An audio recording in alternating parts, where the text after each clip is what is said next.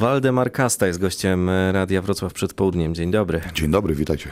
Jesteś człowiekiem e, z Wrocławia. Zastanawiam się, czy masz takie momenty, że sobie gdzieś tam podjeżdżasz jeszcze w okolice tak zwanego trójkąta bermudzkiego i sprawdzasz te dawne miejscówki. Jestem bardzo sentymentalny, mam dokładnie to samo z trójkątem, co i z Kozanowem, na którym później y, wzrastałem, o ile nie wychowywałem się. To tak, istotnie zdarza mi się wsiąść, wsiąść na rower i po prostu pojechać tam tylko po to, żeby, żeby nie wiem, powspominać, rozmarzyć się, być może kogoś spotkać, chociaż to się już niezwykle rzadko zdarza. To jest tak, że y, y, ponieważ ja reprezentuję, nazwijmy to, kulturę nizin społecznych, tak to nazwijmy na potrzeby tej rozmowy i niektórzy z moich znajomych są już trudni do rozpoznania niestety, natomiast, y, natomiast rozmawiam również z tymi wykluczonymi i uzależnionymi tak samo jak, jak z tymi, których poznałem na mocy powiedzmy swojej popularności, tak?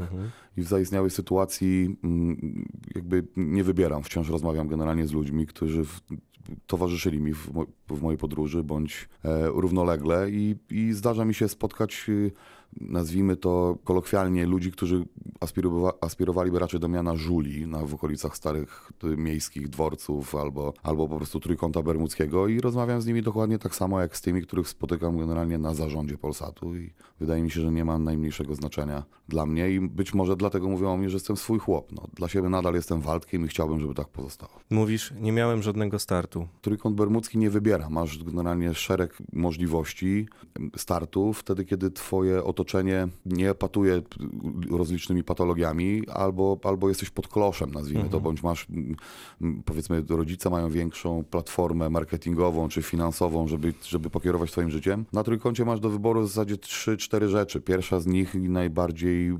właściwa polegała na tym, żeby zabrać swoją y, latorośl jak najdalej stamtąd. Czyli moi rodzice rozumieli, że, że po prostu stamtąd trzeba znikać, bo inaczej będę młodocianym, przestępcą i to niewiele z tego będzie. Natomiast to było z deszczu pod rynne, ponieważ z trójkąta przeprowadziliśmy się na Kozanów, który był wtedy takim powiedzmy postkomunistycznym klockiem, blokowiskiem, które stworzyło nowy tygiel kulturowy, który musi się z tym odleżeć i poukładać. Abstrahujemy oczywiście, że powstał w zbiorniku retencyjnym po niemieckim. Jakże wspaniale zagospodarowanie terenu. I, i, i tam też przemocy, patologii i, i narkotyków i tego wszystkiego było wystarczająco dużo, żeby się w tym pogubić. I chyba to miałem na myśli, y, mówiąc to, jeśli to wy, wyciągnęliśmy z kontekstu, Mhm, bo, tak, bo, tak. Bo, to, bo chyba nie chodziło mi nawet o tym. Ja miałem w domu całkiem normalnie, to znaczy y, to nie, była, to nie jest zamożna rodzina, natomiast w porównaniu do tego, co widywałem, co mieli moi znajomi w domu, no to ja byłem beneficjentem całkiem normalnego domu po prostu. W związku z tym to chyba nie o to mi chodziło. Natomiast tak, no perspektyw nie było,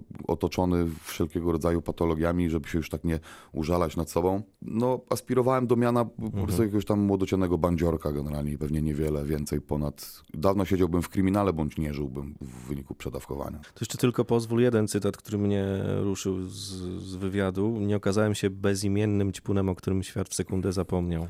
Dlatego, że większość moich znajomych, którzy nie dożyli czterdziestki, nie rozumiała jednej prostej prawidłowości, żebyśmy my mogli stworzyć własną historię na podobieństwo my dzieci z dworca ZO, to ktoś musiałby, kurde, przeżyć, żeby móc to opowiedzieć. Ponieważ byłem zbyt dużym tchórzem, żeby targnąć się na własne życie jednorazowo, uprawiałem przez jakiś czas politykę robienia tego na raty bez żerantów, czyli narkomania. I w związku z tym, jak pojąłem tą prawdę o tym, że, że umierając w rynsztoku cała ta historia po prostu zostanie zamknięta pewną klamrą i nikt już jej nigdy nie opowie, no to moja artystyczna wrażliwość pozwoliła mi zamienić to w piosenki, a pewien rodzaj pragmatyzmu zadecydował o tym, że udało mi się przetrwać tą nawałnicę i po prostu wyjść na ludzi, nazwijmy to. no. Lata 90. to dla wszystkich w polskiej muzyce był hip-hop i nic, długo, długo nic. To była muzyka, z którą wszyscy się utożsamiali Mm, i ty byłeś częścią tego świata, który się tworzył. No ja się załapałem po prostu na tą falę popularności, w związku z tym ja nie zasłużyłem na to, wtedy nie było zasłużonych mniej lub bardziej. To było coś stosunkowo nowego, nazwijmy to.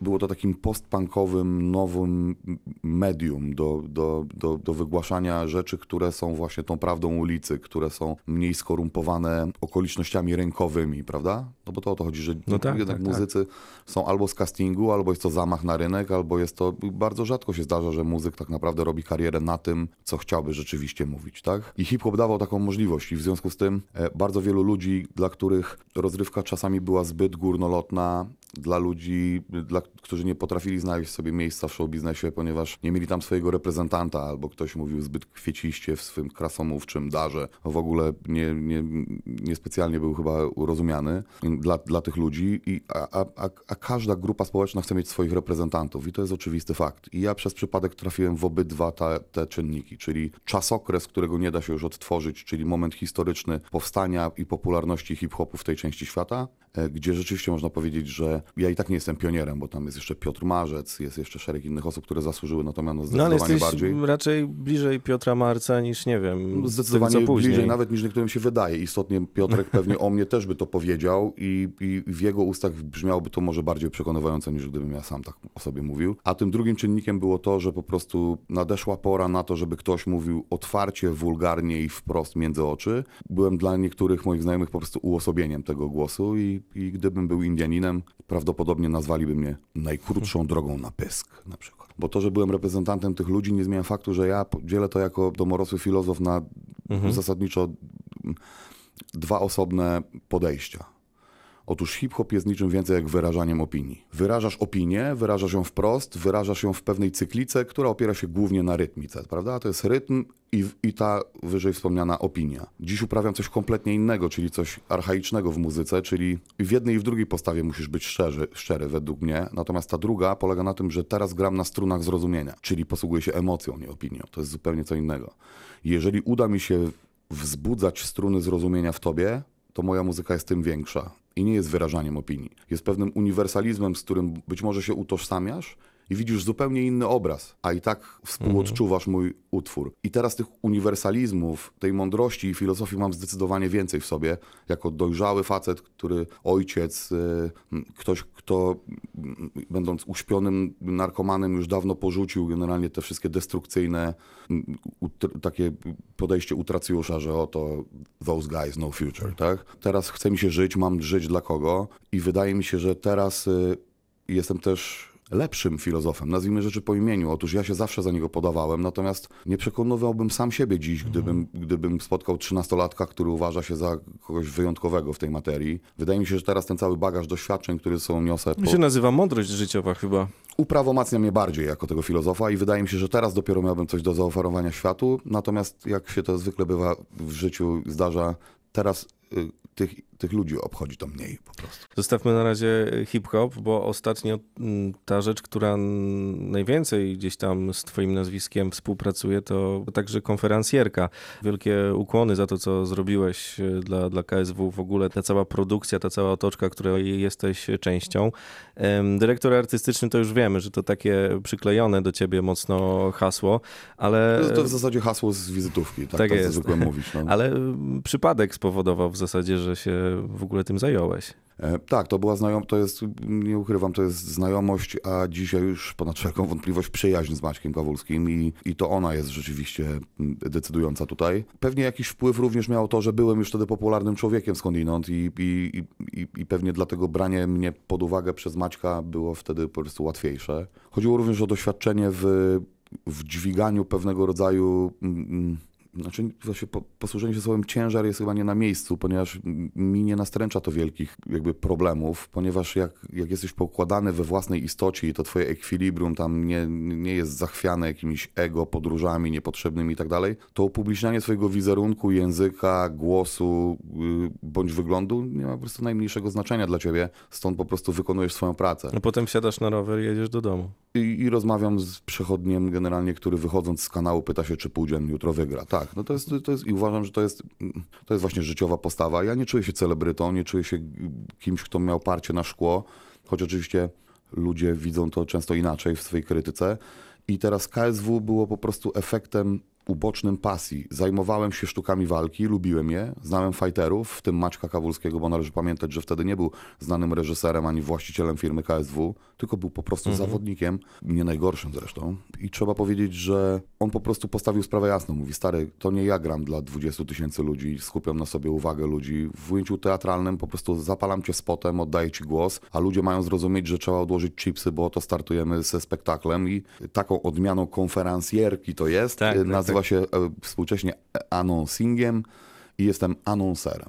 Jak anonser y, przygotowuje się do takiego występu? No bo okej, głos to jest dar, który dostałeś, ale te emocje, które wzbudzasz i powodujesz, że odkładamy chipsy, no to jest już y, zupełnie inna zabawa. Zabieg jest dosyć prosty. Po pierwszym gestem uteatralniającym to, co za chwilę nastąpi, jest ten zjeżdżający mikrofon na wzór starych lat 50., który jest tylko niby prostym gagiem, ale uwierz mi, że mam wrażenie, że to on uprawomocnił nawet część mojego zawodu, tworząc go po prostu przez ten drobny, zapalony spotem, jak w teatrze. Następna rzecz, jestem chyba bodaj jedynym anonserem, który naczytuje na muzyce. Czyli będąc muzykiem, generalnie za każdym razem nieco inaczej się w nią wklejam, a te zapowiedzi przez to są niby takie same, ale nie są tylko zwykłym lektorskim Bo kopii, grasz pauzą. nie są zwykłym lektorskim kopii, naczytanym zawsze tym samym głosem i tam z wykrzyknięciem, prawda? Tylko po prostu one gdzieś tam cały czas meandrują wokół tych nutek, które tam słyszę, środowiska, w które chciałbym to skompresować i zmieścić.